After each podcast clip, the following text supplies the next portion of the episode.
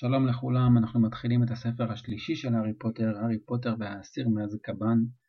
הארי למד כבר שנתיים בבית הספר הוגוורטס, הוא עכשיו בחופש הגדול לקראת השנה השלישית, ובשנתיים הקודמות היו לו הרפתקאות גדולות ומיוחדות, אפשר לשמוע, להאזין להכל בפרקים הקודמים. אנחנו עכשיו מתחילים את הספר השלישי. הארי פוטר היה מהרבה בחינות ילד שונה מאחרים. לדוגמה, הוא שנא את החופש הגדול יותר מכל תקופה אחרת בשנה. כל הילדים האחרים אוהבים, והוא דווקא לא אהב. הוא היה צריך להיות בבית עם הדודים שלו, ולא בבית הספר שהוא אוהב להיות. דוגמה אחרת, הוא ממש רצה להכין את שיעורי הבית שלו, אבל היה צריך לעשות את זה בשקט ובסוד, מאוחר בלילה, כדי שהדודים שלו לא יגלו. חוץ מזה הוא גם היה קוסם. והשעה הייתה כמעט חצות, ממש כמעט חצות הלילה. הארי שכב על הבטן במיטה, כיסה את הראש שלו עם השמיכה, כמו אוהל, וביד אחת הוא החזיק פנס, והיה שם ספר פתוח, והארי ככה קרא את הספר שנקרא תולדות הכישוף, הוא חיפש משהו כדי, כי הוא היה צריך לכתוב חיבור, הייתה לו עבודה לעשות בחופש. חיבור בנושא שריפת מכשפות, שבעבר היו שורפים את המכשפות וכל מיני דברים כאלה. זה היה החיבור שהיה צריך אה, אה, לכתוב, הוא היה עכשיו צריך לקרוא מהספר תולדות הכישוף. והארי ככה מסתתר, כמו שאמרנו, מכוסה בשמיכה כדי שלא יראו את הספרים והוא קורא. בספר היה כתוב שפעם אנשים מחוסרי קסם שנקראים בשם מוגלגים פחדו במיוחד מפני קוסמים, אבל לא ידעו לזהות אותם. וכשהם לפעמים כן היו מצליחים לתפוס איזה קוסם אמיתי או מכשפה אמיתית, הם היו שורפים אותם, אבל זה לא באמת הועיל. למה? כי המכשפה או קסם היו פשוט עושים איזשהו כישוף, כישוף קל לקרר את הלהבות. והיו עושים, מעמידים פנים כאילו שהם צורכים וכואב להם, אבל בעצם הם לא הרגישו כלום, רק דגדוג. אז המוגליגים היו שורפים אותם, הם היו, לא היו מרגישים כלום. וככה בעצם אה, המוגליגים היו חושבים שהם תופסים מכשפים, אבל בעצם לא היה קורה להם כלום.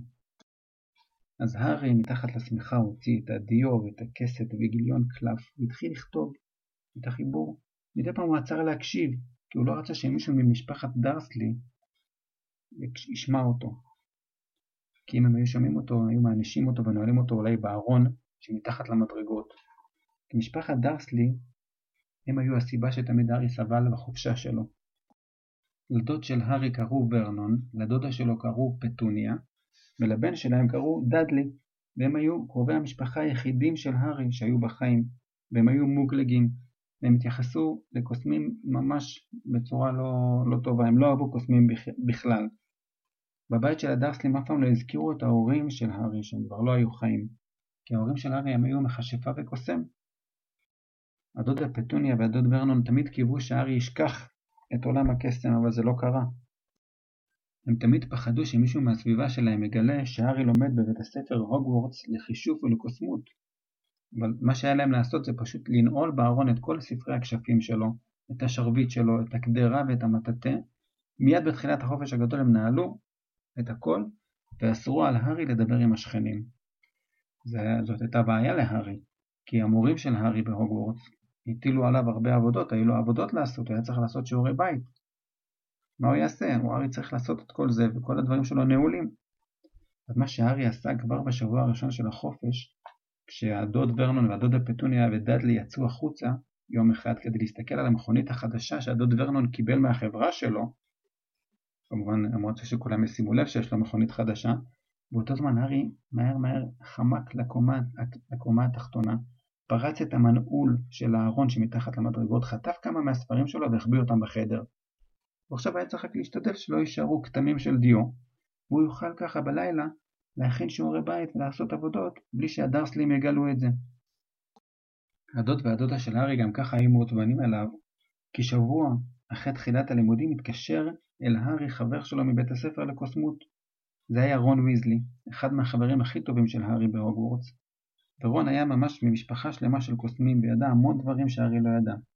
אבל רון לא ידע להשתמש בטלפון, כי זה משהו של מוגלגים, אז כשרון התקשר, מי שענה לטלפון זה הדוד ורנון, והארי במקרה היה בחדר והוא ממש קפא במקום כשהוא שמע את הקול של רון מהצד השני של הקו. אז רון אמר, הלו, הלו, שומעים אותי בדבר הזה? אני רוצה לדבר עם הארי פוטר. רון ממש צעק חזק והדוד ורנון קפץ, מרוב שזה היה חזק. מי זה? מי אתה? שאג הדוד ורנון אל, ה... אל הטלפון. רון ויזלי, אני חבר של הארי מבית הספר. כמובן שהדוד ורנון לא רוצה שום קשר עם בית הספר של הארי, אז הוא אמר, אין פה שום הארי פוטר. אני לא יודע על איזה בית ספר אתה מדבר. לעולם אל תתקשר לכאן שוב. אל תתקרב למשפחה שלי, וטרק את השפופרת. אחר כך הייתה מהומה גדולה בבית. הדוד ורנון כעס על הארי, איך אתה מעז לתת את המספר הזה לאנשים כמו כמוך? ככה הדוד ורנון ממש כעס. רון כנראה הבין שהוא סיבך את הארי בצרות אז הוא לא התקשר יותר, וגם הרמיוני לא התקשרה כי כנראה רון הזהיר אותה, אבל זה חבל כי הרמיוני הייתה ממש מוכשרת בתור מכשפה, אבל היא הייתה בת להורים מובליגים אז היא ידעה טוב להשתמש בטלפון. והיא בטח הייתה חכמה מספיק לא להזכיר את בית הספר. וככה בעצם יצא שבגלל זה חמישה שבועות בחופש הגדול אף אחד מהחברים של הארי לא התקשר, הוא לא שמע מהם כלום. היה רק דבר אחד טוב בקיץ הזה, בגלל שלהארי יש תנשמת שקוראים לה הדוויג, והיא הייתה עושה רעש בכלוב כשהיו נועלים אותה, לכן הדוד ורנון, הוא הסכים שהארי ישחרר אותה בלילות, בתנאי שהארי לא ישתמש בה כדי לשלוח מכתבים, כי עם הינשופים שולחים מכתבים. בכל אופן, הארי סיים לכתוב את החיבור שלו, והיה כבר מאוחר בלילה, הוא סגר את כל הדברים שלה, שהוא השתמש בהם, את כסת הדיו, ואת הפנס, ואת הספר, ואת החיבור, ואת כל הדברים הוא מתחת לקרש רופף ברצפה של החדר, כדי שלא ימצאו את זה. הוא רש כבר השעה אחת בלילה, ופתאום הוא הבין שעכשיו כבר יום ההולדת שלו, הוא בן 13. הארי בכלל לא התרגש מיום ההולדת שלו, כי אף פעם לא נתנו לו כרטיס ברכה. הדרסלים בכלל התעלמו מיום ההולדת שלו, ככה שהארי לא ציפה לכלום. הארי היה תמיד נמוך קצת אה, מהילדים בגיל שלו, אבל בשנה האחרונה הוא קצת גבה. השיער שלו היה שחור, העיניים שלו היו ירוקות, היו לו משקפיים, ועל המצח שלו היה סימן בצורת ברק. זה אחד הדברים שעשו את הארי למאוד יוצא דופן, כי הסימן הזה קרה כשההורים של הארי פוטר, לילי וג'יימס פוטר, נפגעו ונהרגו על ידי קוסם האופל הכי מפחיד שהיה במאה השנים האחרונות, הלורד וולדמורט. ואותו קוסם ניסה לפגוע גם בהארי, אבל הארי הצליח להינצל. נשאר לו רק הסימן על המצח, איפה שהקללה של וולדמורט, במקום לחסל את הארי, פגעה בחזרה דווקא בוולדמורט עצמו, הוא פשוט היה צריך לברוח משם. אחר כך הארי שוב נפגש עם וולדמורט בהוגוורטס, בפעם האחרונה שהוא נפגש איתו זה היה בחדר הסודות בשנה הקודמת. בכל אופן, הארי נמצא בחדר החשוך, הדוויג התנשמת כבר יומיים נעדרה, אבל הארי לא דאג כי לפעמים הסתובבה ועפה לה בכל מיני מקומות. והארי הסתכל ככה מהחלון, בתקווה אולי לראות את הדוויג חוזרת, ופתאום הוא באמת ראה משהו מתקרב. הוא ראה איזשהו, איזושהי דמות מתקרבת מרחוק. ולאט לאט הדמות התקרבה והתקרבה והתקרבה, ופתאום הארי הבין מה מגיע, והוא זז הצידה ודרך החלון נכנסו שלוש ציפורים גדולות. נראה ששתיים מחזיקות את האמצעית, שהייתה ככה מאולפת כזאת, ושלושת הציפורים נחתו בחבטה על המיטה של הארי, והינשוף האמצעי שהיה גדול ואפור התמוטט מיד ושכב בלי לזוז. הייתה חבילה גדולה שקשורה לרגל שלו. הארי מיד זיהה מי זה הינשוף הזה. זה היה ארול, והוא השייך למשפחת ויזלי. הארי רץ אל המיטה, פתח את החוטים מסביב לרג, לרגל של ארול, לקח את החבילה, ואז לקח את ארול ושם אותו בכלוב של הדוויג. ארול פתח עין עייפה אחת והתחיל לשתות מים.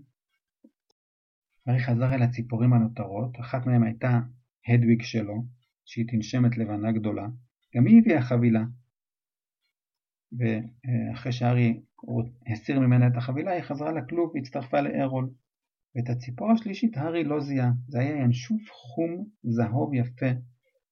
אבל הארי הבין מאיפה הוא הגיע, כי חוץ מהחבילה שהייתה מחוברת אליו, היה שם גם מכתב עם הסמל של הוגוורטס. אז הארי הבין שהוא הגיע מבית הספר. הארי גם שחרר אותו מה, מהמסע שלו, והינשוף גם ניפח את הנוצות שלו ומתח כנפיים והמריא החוצה. הארי התיישב על המיטה, תפס את החבילה של ארול, קרע את העטיפה וגילה מתנה עטופה בנייר זהב, וגם גילה כרטיס ברכה. כרטיס הברכה הראשון שהארי קיבל אי פעם ליום ההולדת שלו. הוא פתח את המעטפה, וממנה נשרו שתי פיסות נייר. מכתב וגזיר עיתון, חתיכת עיתון. העיתון היה מתוך כתבה בעיתון הקוסמים שנקרא הנביא היומי. הארי מיד הבין את זה, כי האנשים בתמונה, שהייתה שחור לבן, אנשים פשוט זזו. בתמונות של הקוסמים האנשים זזים בתוך התמונה. הארי לקח את העיתון וקרא. ארתור ויזלי, שזה אבא של רון, ראש הלשכה לשימוש לרעה בחפצי המוגלגים במשרד הקסמים, זכה בהגרלת הזהב השנתית של עיתון הנביא היומי. ויזלי הנרגש אמר לנציג הנביא היומי, הזהב הזה ישמש אותנו לנופש משפחתי במצרים, שם עובד בני הבכור ביל, ומסיר קללות מטעם בנק הקוסמים גרינגוטס. ואז העיתון הוסיף, משפחת ויזלי תבלה חודש ימים במצרים, ותשוב לקראת תחילת שנת הלימודים החדשה בהוגוורטס, שם לומדים חמישה מילדי המשפחה. הרי הסתכל על התצלום המתנועע, וממש חייך, הוא ראה את כל תשעת בני המשפחה של ויזלי. כולם עמדו ליד פירמידה גדולה, ונופפו בידיים. יש את גברת ויזלי, אמא של רון, אדון ויזלי הגבוה, שישה בנים ובת אחת, כולם בעלי שיער ג'ינג'י, אבל לא ראו את זה כי התמונה הייתה שחור לבן. במרכז התמונה בדיוק היה רון, שהוא היה גבוה, ועל הכתף שלו חיית המחמד שלו שנקראת סקאברס, סקאברס העכברוש. והארי ככה חשב על זה ושמח מאוד שהמשפחה של ויזלי זכתה בפרס, כי המשפחה שלו הייתה ממש נחמדה אבל גם לא כל כך היה להם כסף, אז הארי שמח שהם זכו בפרס של הרבה זהב. הארי לקח את המכתב של רון וקרא הארי היקר יום הולדת שמח שמע, אני ממש מצטער על שיחת הטלפון ההיא, אני מקווה שהמוגלגים לא יקשו עליך יותר מדי. שאלתי את אבא והוא חושב שלא הייתי צריך לצעוק. ממש מדליק במצרים, ביל עשה לנו סיבוב בכל הקברים, והוא פירט שם וסיפר על הקברים של החרטומים שהם ראו שם, ורון המשיך וכתב בקושי האמנתי כשאבא זכה בהגרלה של הנביא היומי, 700 אוניות הזהב. הרוב הלך על הנופש הזה, הם גם קונים לי שרביט חדש לשנה הבאה, הארי זכר היטב מה קרה לשרביט הישן של רון. הוא נשבר לו בשנה הקודמת כשהם התעופפו עם מכונית מעופפת והתרסקו אל תוך עץ בבית הספר. והמכתב של רון ממשיך. אנחנו חוזרים בערך שבוע לפני תחילת הלימודים ואז ניסע ללונדון לקנות לי שרביט וספרי לימוד לשנה הבאה. יש סיכוי להיפגש איתך שם? אל תיתן למוגלגים לדכא אותך. נסה להגיע ללונדון. רון. נ"ב, הוא הוסיף הערה, פרסי נבחר למדריך הראשי, הוא קיבל את המכתב בשבוע שעבר. הארי הסתכל שוב בתצלום וראה את פרסי שזה אח יותר גדול של הארי, שהוא בשנה השביעית בהוגוורטס, נראה מרוצה מעצמו. הוא ענד את סיכת המדריך הראשי לתרבוש שלו, הוא נראה ככה מאוד uh, שמח.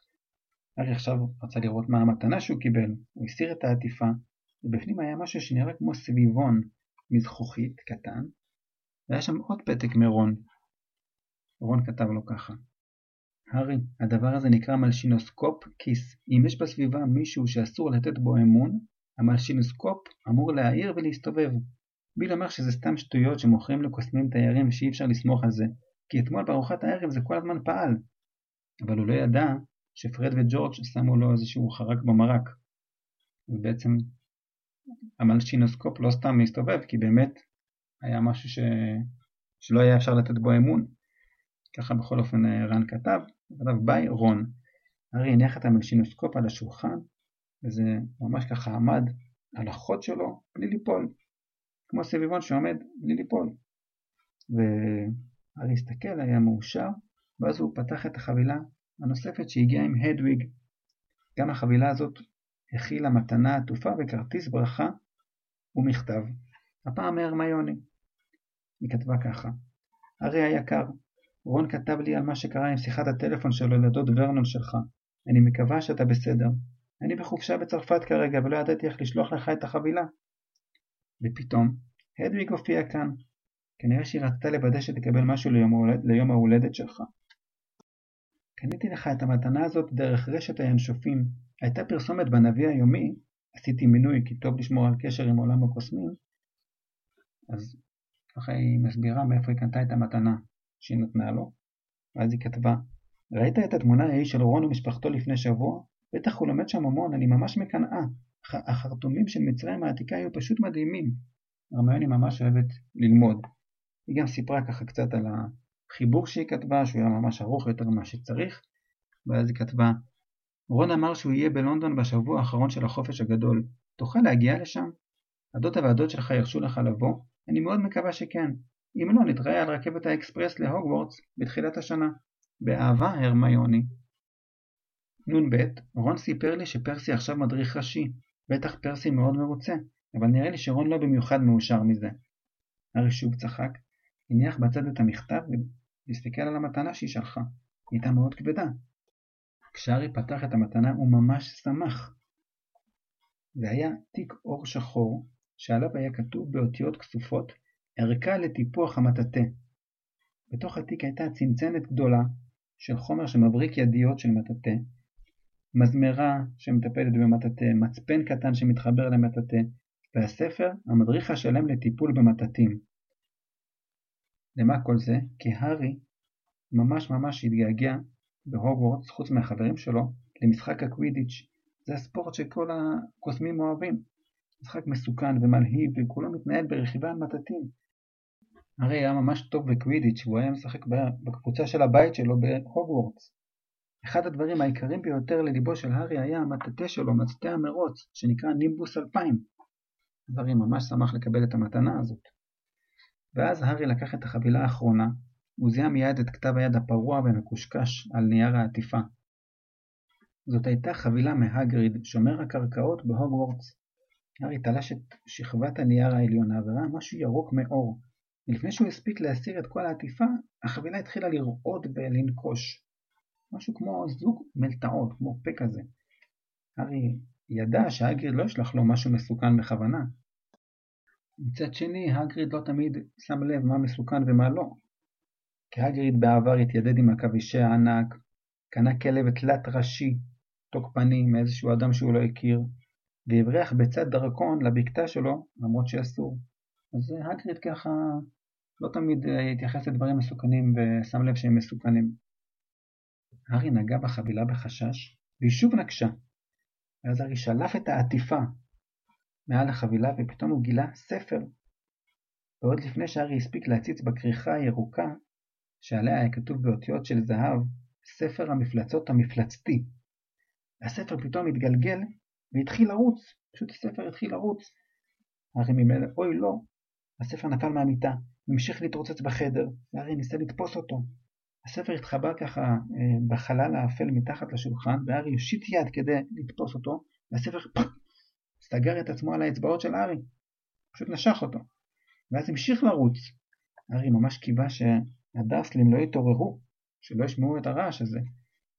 וככה הארי אה, רץ אחרי הספר והצליח לקפוץ על הספר ולהפיל את עצמו על הספר. מהר מהר הארי הידק את הספר אליו, ממש מהר מהר תפס חגורה, וכרך אותה מסביב לספר. ספר המפלצות המפלצתי ממש רעד, סגור בתוך החגורה. הוא לא הצליח להיפתח או לרוץ. הארי שם אותו על המיטה והסתכל על כרטיס הברכה של הגריד. ככה הגריד כתב: הארי היקר, יום הולדת שמח לך. אולי אתה תמצא לזה שימוש בשנה הבאה. זה כל מה שאני אכתוב לך עכשיו. כל השאר כשאני אראה אותך. מקווה שהמוגלגים הם מתייחסים אליך יפה. ברכות וכל טוב לך, הגריד. הארי לא הבין למה הגריד חושב שהוא ימצא שימוש לספר נושך במהלך השנה, אבל בכל אופן הוא שם את כרטיס הברכה של הגריד ליד הכרטיסים של רון והרמיוני וחייך חיוך רחב. עכשיו נשאר רק המכתב מהוגוורטס. הארי שם לב שהמכתב קצת יותר שמן מהרגיל, פתח את המעטפה וקרא את הדף הראשון.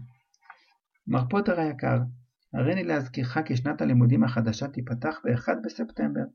רכבת האקספרס להוגוורטס תצא מתחנת קינגס קרוס, רציף 9 ושלושה רבעים, בשעה 11 בדיוק. תלמידי השנה השלישית מורשים לבקר בעיירה הוגסמיד בסופי שבוע מסוימים. אנא העבר את טופס האישור המצורף להורה או למישהו שאחראי עליך לשם חתימה. מצורפת רשימת ספרי הלימוד לשנה החדשה. בברכה פרופסור מ' מקגונגל, סגנית המנהל. הארי שלף טופס נוסף שהיה בתוך המכתב, טופס האישור ליציאות להוגסמיד. בעצם צריך שמישהו שאחראי על הארי יחתום על הטופס הזה כדי שהארי יוכל לצאת להוגסמיד. הארי כבר לא חייך, הוא פשוט ממש רצה לבקר בהוגסמיד. הוא ידע שהוגסמיד זה עיירה שיש בה רק קוסמים, אבל הוא אף פעם לא ביקר שם. הוא עכשיו צריך לשכנע את הדוד והדודה שלו, אחד מהם, שיחתום על הטופס, כי צריך שמישהו שאחראי עליו יחתום על הטופס כדי לאשר לו לצאת להוגסמיד.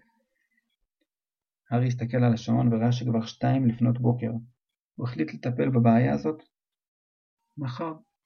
הארי שכב על המיטה והסתכל על שלושת כרטיסי הברכה שהוא קיבל, ולמרות שהוא היה כל כך שונה מילדים אחרים, הארי באותו רגע הרגיש כמו כל אחד אחר. בפעם הראשונה בחיים שלו הוא שמח שהיום הוא יום הולדתו. זהו, זה הסוף של הפרק הראשון בספר הארי פוטר והאסיר מאזקבאן. יש בפרק הזה הרבה דברים שיהיו חשובים בהמשך, ואתם מוזמנים להאזין לפרקים הבאים.